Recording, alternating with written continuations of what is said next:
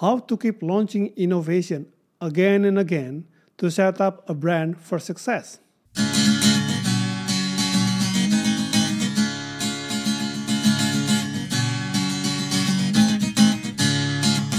Welcome to Business and Management Podcast.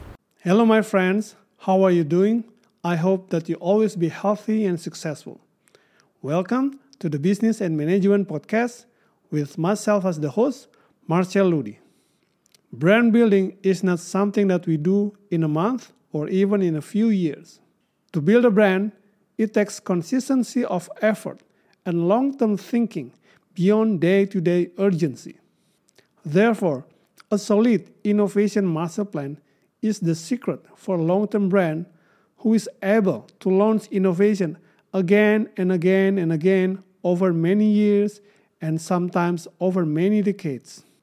This is the kind of brand that is able to sustain consistent effort of launching impactful and meaningful innovation for the consumers over the many many years.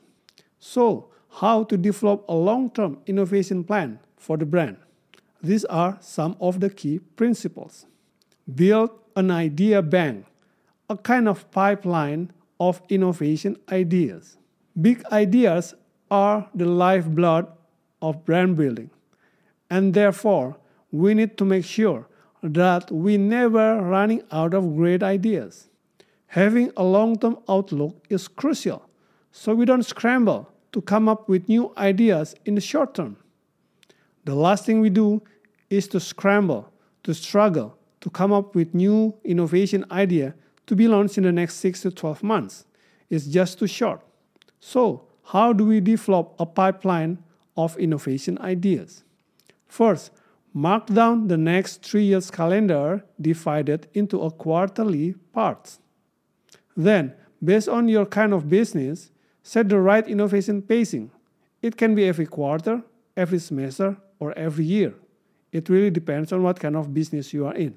Next, in each of these quarterly or semesterly buckets, list down the consumer innovation ideas. This can be based on R&D new technological launching or based on your own customer understanding. Do this exercise until you have a 3-year innovation master plan. Make this as a living document so you can always change and adjust the innovation master plan based on the change in the market. The more, the merrier. Always have more ideas than the one that you can execute. This is to make sure that you always have backup ideas, just in case some of your main ideas are unable to be executed, and therefore you will never run out of innovation ideas. Measure the sufficiency of your ideas. Begin with the end of mind, just like Stephen Covey said. Planning for the long term success of your brand is just like planning for your retirement. You need to know your financial goal first and where do you want to end it. What is your business goal?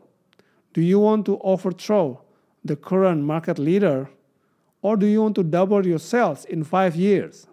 Set an inspiring but realistic goal that your team can achieve in the next three to five years planning horizon. Then compare, test your innovation master plan against your brand's business goal. See whether your innovation master plan is sufficient to meet the business goal. If your innovation master plan is sufficient to meet the business needs, then great, you have more than enough ideas. You can later pick and choose the best ideas. But if you have a gap in your innovation master plan to meet your business objectives, then you have more work to do.